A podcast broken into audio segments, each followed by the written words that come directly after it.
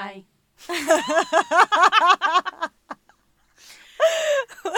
אנחנו לא תכננו לדבר ביחד. זה קורה כל כך הרבה. אנחנו צריכות למצוא מילה קוד לזה, שאנשים פה יבינו שזה מה שקורה. אנחנו פשוט, השעון הביולוגי הפנימי שלנו מתוזמן בול ביחד. זה jinx. כן. אוקיי. אז... צ'יפס אה, מסטיקס. אז איך היה השבוע שלך, סיוון? צ'יפס מסטיק. צ'יפס מסטיק. את רוצה לשמוע על שיט שקרה לי ביום ראשון? מה השיט שקרה לך? אני לא יודעת אם המאזינים שלנו יודעים, אבל אה, יש לי נקודות חן. את יודעת את זה. כן. אה, יש להם נוכחות, מהמם. נגיד את זה ככה. כשהייתי קטנה, מן הסתם זה היה כאילו אה, נקודת תורפה, אבל עם הזמן פשוט אה, Now החלטתי... you own it. כן. החלטתי שזה מה שעושה אותי מיוחדת, ולה לה לה לה לה. ואז אני התרגלתי לתגובות של אנשים אה, בהקשר הזה, אבל כאילו מדי פעם זורקים אותי כזה לכיתה ה' שוב. אז ביום ראשון הייתי ב, במקום שאני עושה בו את הספורט שלי, אני לא אסגיר איפה, והמנהל של המקום אמר לי, תסתכל עליי, ואז הוא אמר לי, אני אוהב אותן. אני אוהב את הנקודות חן. אז אמרתי לו, אוקיי, ואז הוא עושה לי, למה את לא מורידה אותן? ואז אמרתי לו, אבל אמרת שאתה אוהב אותן. לוגיקה? אין. ואז הוא אמר, טוב, מה את מקשיבה לי? למה את לא מורידה אותן? וכזה הסתכלתי עליו, והייתי כזה, זה שלו, סיוון, זה לא שלך. נשמי עמוק. ו... וחייכתי, המשכתי לחייך, ואז הוא אמר, אה, לא, אני הורדתי את הנקודה הזאת פה, ועשיתי פה, ועד היום יש לי צלקת, ונה נה נה, ואני כזה, יופי, ענית לעצמך. לא רוצה צלקות, רוצה נקודות חן. זהו, כאילו, כל הזמן לאנשים יש הרגשה שהם יכולים אה, להעיר לך על המראה החיצוני שלך. גם עכשיו הלכתי בפלורנטין, והמוכר של הספות אמר לי שזה מכוער שאני הולכת עם הקסדה על הראש. כזה, מה קורה לכם, אנשים? אני שאלתי אתכם מה אתם חושבים על המראה החיצוני שלי? ואז בלב אמרת לעצמך, אמן, ואתה תיסע על קורקינט בלי קסדה, ואז תיפול ותמות. כי חלילה. אין לך קסדה. לא, לא, זה פשוט כזה שייתנו לך באמפ כזה ותיבהל. תיבהל. זהו, זה מה שאני מאחלת. אז uh, עכשיו אני הולכת לספר לכם מה חוקי הפורמט שלנו. אנחנו בכל פרק מציגות כמה סיפורים אמיתיים של אנשים שכתבו לנו על סוגיות מהחיים עצמם. אנחנו מנתחות את המצב, נותנות תובנות משלנו לעניין, ומייעצות מה לדעתנו אפשר לעשות. נתחיל? יאללה, נתחיל. אני ממש צריך עצה. אני ממש צריכה עצה. מה אני יכול לעשות במצב כזה?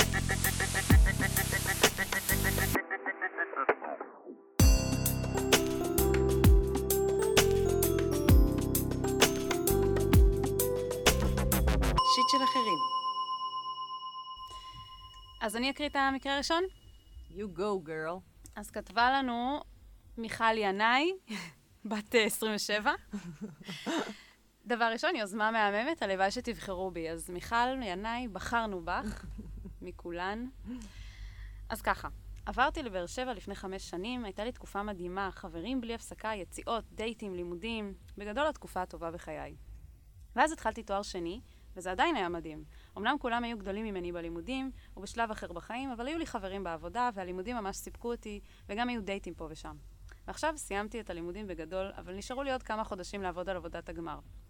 כל החברים שלי מהעבודה והלימודים כבר עברו מזמן לתל אביב, ואני תקועה פה. כי עבודת הגמר דורשת ממני המון זמן, ויש לי עבודה גמישה שיכולה לכלכל אותי בתקופה הזו, ואין מצב שאוכל עכשיו לממן שכר דירה של תל אביב. אין לי זמן ואנרגיות לחפש עבודה חדשה, אין מצב גם שאצליח לעבוד במקביל ועוד ליהנות מתל אביב.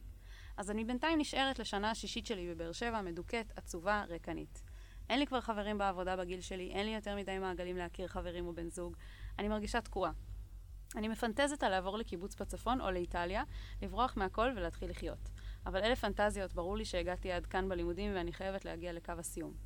עכשיו אני צריכה לשרוד את החודשים הקרובים שיכולים להפוך לשנה, לשים את החיים בהולד, בסוגריים, חבל שאת הגיל אי אפשר לעצור, לחזור לעולם הדייטים בגיל 28 נשמע לי כמו סרט אימה, סגור סוגריים. להמשיך לחיות בעיר שכבר מזמן אני לא חלק מהסצנה שלה, למצוא את הכוחות הנפשיים לעבוד על עבודת הגמר, ולהצליח לא להיות מרירה ודיכאונית כלפי המעטים שעוד נשארו בסביבתי.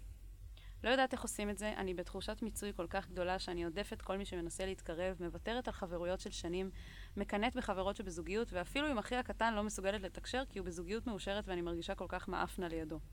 בקיצור, הערך העצמי שלי ברצפה, האושר שלי ברצפה, ריגושים לא מרגשים אותי לאורך זמן, ואני מרגישה שמאסתי בהכל. מה עושים? יש לי פסיכולוגית מדהימה, ואני כל החיים הייתי בן אדם חזק שנלחם ולא מוותר, ועכשיו אני מרגישה שאין לי כוחות יותר להתמודד. בא לי בן זוג, בא לי לעבור לתל אביב, בא לי להיות מאושרת, כמו כל החברים שלי. מיכל ינאי היקרה, אני רוצה להגיד לך שבוא נגיד שנפלת ליועצות הלא נכונות כדי להתלונן על באר שבע שאחרי הלימודים. וגם כדי להתלונן על אה, כתיבת התזה, ששתינו עברנו את זה, היינו כן. שם. כאילו, אין, אין, אה, אין נשים שיותר אוהבות את באר שבע גם אחרי התואר. כאילו, אז אני, אז אני מציעה, אני מציעה שכאילו, אנחנו עוד רגע ניתן לך גם מלא אמפתיה לכל הקושי שהעלית, כי לגמרי יש מקום לקשיים שהעלית, אבל אני שנייה רוצה לעשות איזשהו reframing בכל מה שקשור לעיר, באר שבע. עיר שבאמת, כל פעם שאני חושבת עליה, הלב שלי מתמלא ב- באהבה ובחום ובשמחה. אז אני אגיד שתחשבי כמה, כמה דברים יש לעיר הזאת להציע לך, גם בתקופה הזאת שאת נמצאת. כאילו, אני זוכרת שכשאני גרתי בבאר שבע לא כסטודנטית, זה היה ממש עניין של החלטה. להחליט שבאר שבע, זה שזה, לפעמים של סטודנטים, זה לא, כאילו הוצאתי את העניין הזה של ההגדרה שזה של סטודנטים. ואם יש מסיבה טובה, כי אין בהרבה מקומות מסיבה טובה, אז אני אלך. מה זה משנה מי האוכלוסייה שם? כאילו, מה זה משנה מה, מה הגילאים? אני אלך עם חברים. או יש uh, פאבים ממש זולים, יש uh, ס, כאילו שכר ממש uh, זול, וגם, והדבר שאני הכי אוהבת בבאר שבע, זה שזה קרקע ממש פורייה ליוזמות אישיות. כלומר, יש לך מקום לבנות את עצמך כפרסונה, כדי להבין מי את, לפני שאת מגיעה לעיר הגדולה והמאוד מאביסה שקוראים לה תל אביב. אני חושבת שיש יתרון מאוד גדול להגיע לתל אביב אחרי שאת כבר יודעת מי את ובנית את עצמך מבחינה זהותית, ואת מגיעה בסוף שנות ה-20 שלך ולא באמצע שנות ה-20 שלך. זה כאילו יתרון עצום. אני עברתי לבאר שבע, אה, אחרי שסיימתי את התואר הראשון במקום אחר, אני עברתי לבאר שבע לא בשביל ללמוד, ובאר שבע היא ממש לא רק עיר של סטודנטים, נכון. אבל ממש ממש לא. יש בה עוד הרבה דברים, ואני לא רציתי בסוף התואר לעבור לתל אביב, כמו כל החברים שלי, שלפי מה שאת אומרת, הם כולם מאושרים וחיים חיים כיפים בתל אביב, ויוצאים כל היום לים, ויושבים עם הבני זוג שלהם, שהם עכשיו ב... לא, זה לא, זה לא. כאילו... זה לא מה שקורה, רוב האנשים בתל אביב מדוכאים ומבואסים מהמצב שלהם, כי היו להם כל מיני ציפיות שברגע שהם יעברו לתל אביב הכל יהיה פשוט כיפי, וזה לא מה שקורה. וגם בסוף הם כל הזמן עובדים כדי לממן את הדירה המאוד יקרה שלהם. כן, אבל אני חושבת שזה בכלל לא העניין. את ציינת שלוש פעמים בפנייה שלך את העניין של הדייטים. אה, אני גם, גם בת 30, ואני עדיין, אני לא, אני לא יוצאת לדייטים, אבל כאילו, אמרת שלחזור בגיל 28 לעולם הדייטים נשמע כמו, סי- כמו סרט אימה. אה, כן, דייטים זה סרט אימה באופן כללי, לא רק בגיל 28, בכל גיל. ואני חושבת שאת מרגישה תקועה מהרבה סיבות. אחת הסיבות זה, את, אני חושבת שאת חושבת שברגע שיהיה לך בן זוג את לא תהיי תקועה, או ברגע שתסיימי את התואר את לא תהיי תקועה. אפשר להיות תקועה בכל שלב. ולעבור לקיבוץ בצפון או לאיטליה, אגב, את יכולה לעשות את זה גם אחרי שאת מסיימת את, ה, את התזה. רעיון לא רע בכלל, נשמע מעולה, לא, לא כולם חייבים לעבור לתל אביב. אבל אה, תראי, אני הייתי גם לפני, ממש לפני שנה, הייתי בסיטואציה שאני צריכה לשבת לכתוב את התזה שלי, ואני צריכה לוותר על הרבה דברים, ולא לצאת, ופשוט לשבת ולכתוב. וזה היה קשה, וזה ממש הוציא ממני תחושות דיכאוניות וקשות, ואני הכי מזדהה עם המקום הזה של ה... של האוף, החיים שלי חרא. אבל זה לא, אבל זה, גם זה יעבור uh, כמאמר אתונה. אני חושבת שבשלוש שנים שכתבתי את התזה שלי, שזה שנה אחת יותר מדי, זה כל מה שאנשים שמעו. כשאני אסיים את התזה, כשאני אסיים את התזה. כשאני... נכון. כאילו, אין. אני מודה שלפני שנה, כשאמרתי לעצמי, כשאני אסיים את התזה, אני אדם חופשי ומאושר, אז uh, אמרתי לעצמי, כן, אבל זה לא עובד ככה, כאילו, את תסיימי את התזה ואז יהיו לך בעיות אחרות. עכשיו, כן, כאילו, יש לי בעיות אחרות, אבל אני באמת אדם חופשי ומאושר. אז כל מה שיש לי להגיד לך, זה שאני מחזיקה לך אצבעות. את אמרת שאת בן אדם שתמיד uh, היה נלחם, ואת תגיעי לקו הסיום, ואת כבר עשית בערך 90 אחוז יותר מהעבודה, ואת תסיימי את התזה, ואני יודעת שאת תצליחי, וברגע שאת תעשי את זה, אני חושבת שהדברים יתחילו להתגלגל אה, למקומות טובים. והמנטליות של אני בזה עכשיו, זה החיים שלי עכשיו, כן, זה קצת מבאס, כן, זה כאילו, זה, זה, זה קשוח, אבל uh, את תסיימי. כאילו, את תסיימי את זה תוך כמה חודשים או שנה, ואת תהיי ממש גאה בעצמך, ואת uh, תחזרי לעולם הדייטים, גם אם זה בגיל 30, זה יהיה בסדר. גם, אגב, היא אמרה שהריחוק שלה מהחברות, והיא מרגישה שהיא לא נחמדה לאח שלה, ואני חושבת שתמיד כשרע לנו, אז אנחנו מצליחים להיות פחות טובים לאחרים. כאילו... כן. בדיוק אימא שלי לא מזמן אמרה לי כזה, ברור, אם לאנשים לא היה רע, אז לא הייתה אלימות בעולם הזה. משהו כזה, ואז הייתי כזה, אימא... ההסבר הכי פשוט לכל הבעיות בעולם. ממש, הייתי כזה, אימא, צודקת. את חכמה, איזה בודה.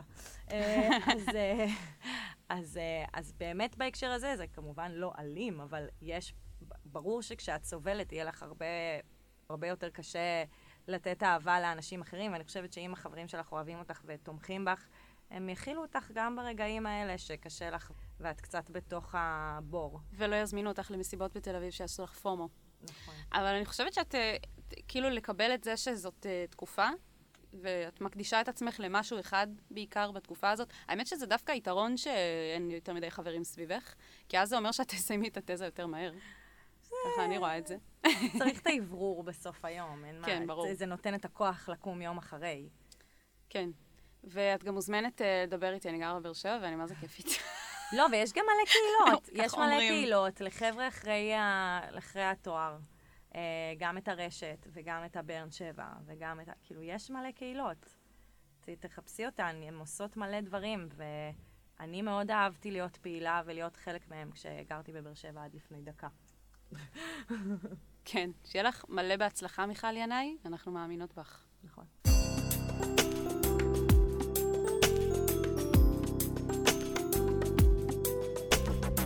שיט של אחרים.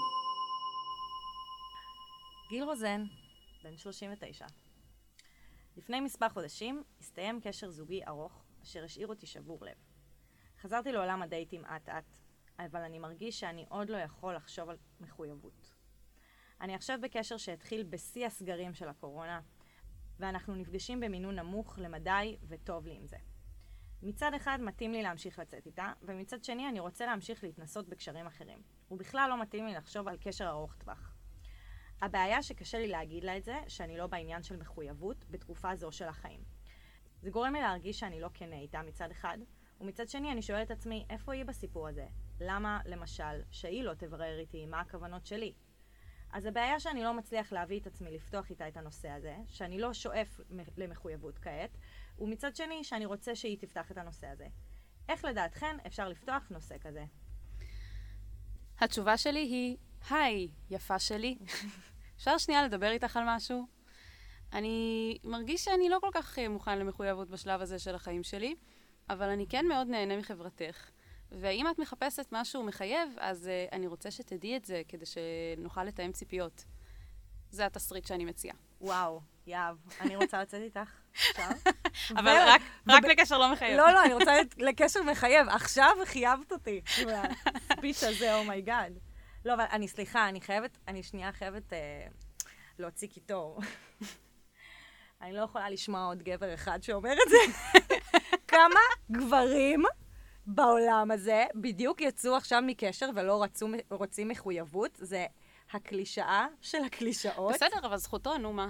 לא, לא, ברור שזכותו וזכותו של כל גבר. פשוט ביחד הם יוצרים קלישאה. צבר, צבר שהוא... צבר של גברים שלא רוצים מחויבות, ואני, באמת, אני רוצה שנייה לדבר על הסוגיה כסוגיה, כי זו סוגיה.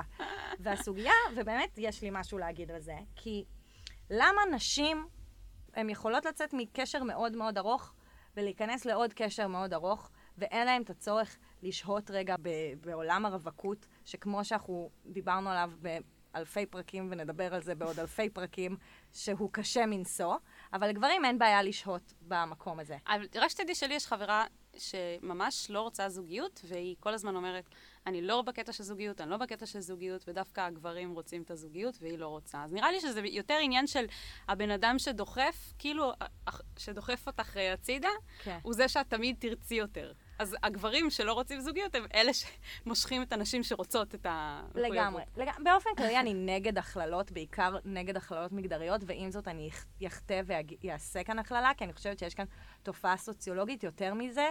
אווה אילוז כתבה על זה, ויש על זה ספר עכשיו גם שיצא, וואלה. שהיא בעצם מדברת על זה שעולם הרווקים רווקות הוא לא מאוזן, כי בעצם גברים יכולים לצאת עם מנעד יותר גדול של גילאים. כלומר, מהמם. גבר יכול לצאת עם אישה בת, לא, גבר בן 40, לא 39, יכול לצאת עם אישה בת 25, וזה זה יהיה ממש לגיטימי. לעומת זאת, אישה בת 39 לא תצא עם גבר בן 25, יש לזה גם פחות לגיטימציה, זה גם פחות כאילו מתאים מבחינת ההתפתחות Mm. המוחית. אז בעצם את אומרת. שמבחינת חשבון, פשוט זה יוצא שכאילו אם את רוצה, שבעצם את אה, יותר רוצה את המחויבות, כי ה... השוק לא מאוזן. שלך הוא בדיוק, השוק לא קטן יותר. מאוזן. את יודעת שאת תהיי יותר זמן בשוק, אז את פחות רוצה להישאר בו. וכשאת, הגבר, סתם. וכשאתה גבר, אז יש לך, אתה, יש לך יותר ביטחון שאתה תוכל לצאת מהשוק בזמן ש, שיהיה לך נוח, אז אתה, יותר קל לך. ו... קיצר, זה, זה התיאוריות הסוציולוגיות שאני, הן מדכאות אותי מצד אחד, כאילו דיכאון קליני. אבל, אבל, אבל מצד שני, כאילו ברור שכל אה, כל אחד הוא עולם ומלואו. ו... אבל זה, אבל האישו פה הוא שאתה רוצה אה, להיות כנה איתה, נכון. ובצדק.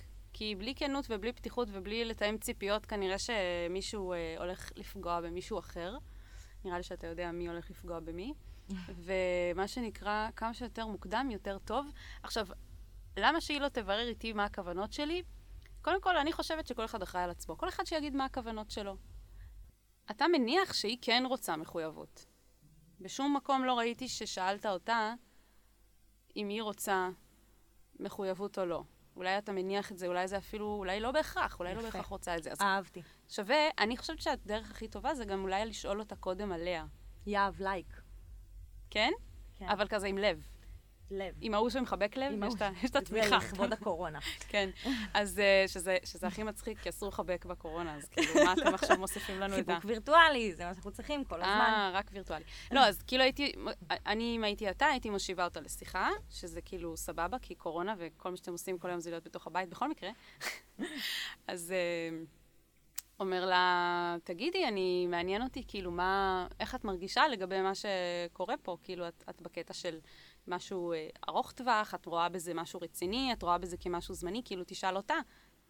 כאילו, זה קצת, יש פה משחק, אה, אני, אני מחכה לה והיא מחכה לי, כאילו, אין, אין סיבה. לגמרי, זה כל כך נכון, וזה גם מייצר יחסי כוחות כשאתה בא ושם על השולחן שאתה לא רוצה קשר רציני כשאתה מניח שהיא.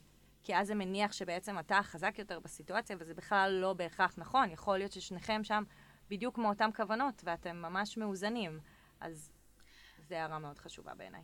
כן, ופשוט כאילו תדברו על זה. זה לא כזה דבר קשה לדבר עליו לדעתי. לא, לא טאבו. ברגע שזה יקרה, לדעתי זה יפתור אה, את כל העניין.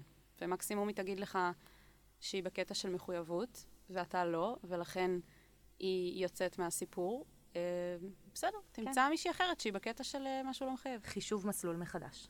כן.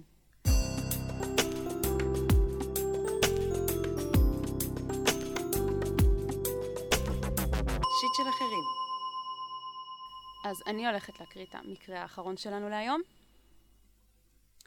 יש לנו כאן את מיילי כהן, בת 27. היא כותבת, אנחנו חבורה של עשרה חברים כבר כעשר שנים. אחד החברים התחיל לצאת עם בחורה אחרת מהחבורה לפני שמונה חודשים. הבחורה הייתה חברה מאוד טובה שלי, אך בגלל צורת ההתנהגות שלה והאופי שלה, בחרתי להתרחק ממנה לפני כשנתיים. וכך גם עוד מספר חברים שלי מהחבר'ה. אציין גם שהיא מנצלת אותו כלכלית, ובעינינו היא לא עושה לו טוב. לאחרונה הם בחרו להתארס. הבחור הוא החבר הכי טוב שלי, ואנחנו מאוד מאוד קרובים, והוא יודע שאני לא מחבבת אותה, אך לא יודע עד כמה. הוא מרגיש שהתרחקתי ממנו ורוצה לדבר איתי על זה. מצד אחד, אני לא חושבת שזה נכון להיות קרובה למישהו שאני מאוד לא אוהבת את אשתו. זה לא הגון כלפי שניהם. מנגד, לפתוח את הסיפור מולו זה לא משהו שארצה לעשות. אני לא מרגישה שנכון להתערב בזוגיות שלו, אך לא הייתי רוצה גם להפסיק את החברות. הדבר היחיד שלא הבנתי זה למה זה לא הגון להיות בקשר עם חבר שלך אם את לא אוהבת את אשתו. כאילו, את יכולה להיות בקשר עם חבר שלך, הוא חבר שלך, יש לכם מערכת יחסים אינדיבידואלית שלא קשורה לבת הזוג. וואי, אפילו לא חשבתי על זה. כאילו, זה ממש נכון. איך לא כתבתי את זה? אני לא יודעת, זה כאילו הדבר הראשון שצריך להגיד. כן, יש לך מערכת יחסים שלמה, נפרדת, שנים, אהבה, רצון, את רוצה אותו בחיים שלך, למה ש... למה זה לא הוגן? מה לא לא, הוגן אבל יש בזה? איזה קושי, כי ברגע שאנשים הם נשואים, אז כאילו, הם באים ביחד למפגשים, וכן זה מייצר קושי, אני בטוחה. בסדר, אבל אפשר גם ליצור הפרדה ובאמת לשנות את אופן, את מבנה המערכת היחסים. שאת שומרת על קשר איתו יותר במבנה של אחד על אחד, או באמת במבנה של חבורה, ואז את... אלא אם כן היא קנאית, ואז אסור לה לפ- לפגוש אותו אחד על אחד. הבת זוג שלו. כן, ואז אסור לו לפגוש אותה. בוא נקווה שזה לא המצב. בוא נקווה שהיא מפרגנת לו, והוא יכול להיפגש עם ידידות שלו מזה עשר שנים לבד, אחד על אחד. וגם בקשר לזה ש... שאת uh, חושבת שהיא פוגעת בו, אז יש כאן כל מיני הנחות, גם בהקשר של ההיכרות שלך איתה, ו...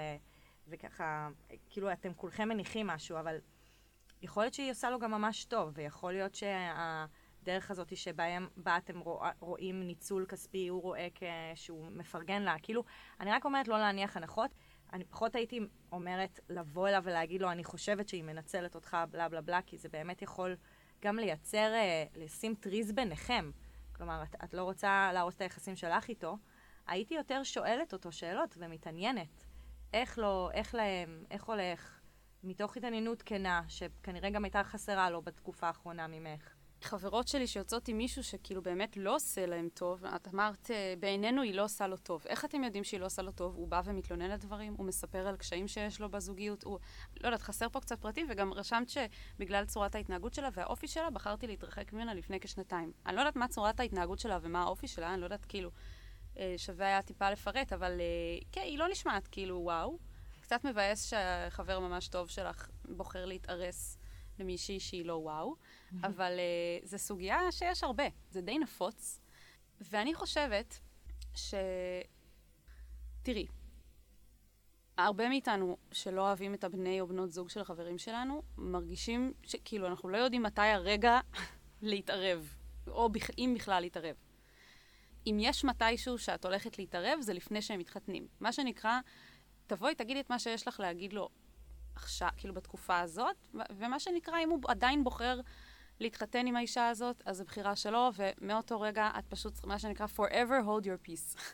כאילו, את צריכה, אם יש לך מה לומר, תגידי את זה עכשיו, ואם הוא לא רוצה לשמוע, אז הוא לא רוצה לשמוע, וזהו. לא יודעת, אני לא רואה בחתונה כדבר שבאמת, אה, כאילו, המכונן ביותר, שאחריו אי אפשר לדבר, או לפניו אה, כדאי לפלוט הכל. גם באמת אני חושבת שלבוא עם הצהרות, של אני חושבת שהיא עושה לך ככה וככה, זה מאוד מסוכן למערכת יחסים שלכם. תראי, אבל אני פעם, מישהו אמר לי משהו מאוד חכם. אל תתערב בזוגיות של חברים שלך, אלא אם כן אתה חושש או חושד שיש שם איזשהו אה, יחסי אה, התעללות, כאילו abuse. עכשיו, התעללות זה יכול להיות אה, ניצול כלכלי, זה יכול להיות ניצול מיני, זה יכול להיות כל, כל מיני דברים.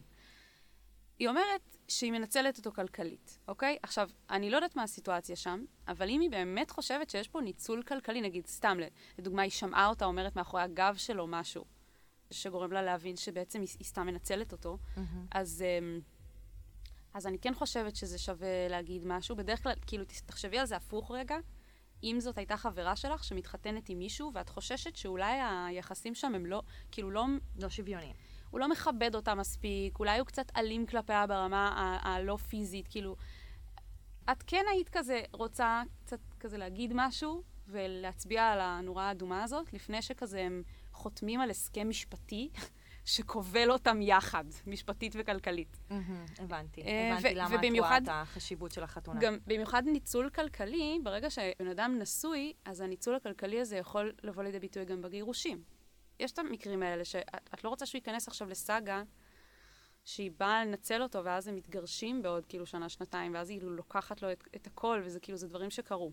אני לא שאני כן. חושבת שזה מה שהבחורה הזאת עושה. לא, כאילו, אנחנו לא אבל- יכולות לדעת בכלל. אין לדעת. אבל יש כאן ככה באמת קווים כלליים. אני, אני מרגישה שאני הצגתי את הקו הקליל יותר, של כזה, טוב, תשמעי, יכול להיות שהוא סתם נהנה לשלם עליה בדייטים. כן, יכול להיות ואת ש... כזה, יכול להיות שיש פה כזה... יכול להיות שמישהי מנסה באמת לנצל את זה, כאילו זה, זה, זה, כן. זה קורה. אבל אה, כך או כך, אני דווקא כן חושבת ששווה לדבר איתו. אני לא יודעת, גם לא ציינת אם דיברת איתו על זה בעבר, אם, אם מישהו מהחבורה ניסה לדבר איתו. נראה שבאופן כללי קצת לא אוהבים אותה בחבורה, כן, זה עדות אופי כזאת. זה באמת מבאס כשחבר טוב שלך מחליט אה, לקחת כשותפה לחיים מישהי עם אפנה. דברי איתו על זה פעם אחת, ואם זה לא עובד, אז וואלה, אין מה לעשות. אוקיי, disclaimer אחרון, ואז נסגור, נסגור את זה טוב. אני רק רוצה להגיד שיכול להיות שגם יש לה סטיגמה בחבורה, ואתם כולכם Mm. מאוד כבר לא אוהבים אותה. אבל... אה, אבל היא אין- ממש טובה לא במיטה. לא על עוול. לא, אבל לא על עוול בכפה. וכבר אה, יש לה שם בחבורה, אז אה, זה גם משהו. אז אה, כאילו, את אומרת שאם אם זה היה כאילו חבורה שהיא לא באה מתוכה, יכול להיות שכולם ואז היו הוא היה אוהבים אותה. מכיר לה את כל החברים שלו, אז הם היו עפים עליה כי הם כאילו לא כן, מכירים יכול אותם להיות לפני. שהרבה פעמים בחבורה מתקבע, מתקבעת לך איזושהי דמות שהיא לא בהכרח הדמות שאת... שהיא מייצגת אותך באמת. זה משהו שהולך איתך שנים. Mm, לא חשבתי על זה. טוב, אני מקווה שזה זה המקרה. ושהיא לא פשוט אסהול. זה מרגיש כאילו אנחנו בעצם אה, בלשיות, כי כאילו לא קיבלנו מספיק פרטים פה. נכון, נכון. חברים, תכתבו לנו יותר אה, כן. מפורט קצת. אבל כאילו, מפורט אבל לא ארוך, מבינים? אפשר לשמור על האיזון הזה? כן. תודה שהאזנתם לנו. אם אתם רוצים שגם השיט שלכם יקבל מאיתנו עצה, אז אתם מוזמנים לכתוב לנו דרך טופס אנונימי שאפשר למצוא בקבוצת הפייסבוק שיט של אחרים, עצות לחיים עצמם. ויש שם גם סוגיות שלא נכנסו לפודקאסט, והתייעצויות של חברי הקבוצה אחד עם השנייה, אז יהיה, לשם, יהיה לכם כיף. וזהו, תודה שהייתם איתנו, תודה סיוון. תודה, יהב. יאללה ביי. ביי אוש. אני ממש צריך את ה... אני ממש צריכה עצה. מה אני יכול לעשות במצב כזה?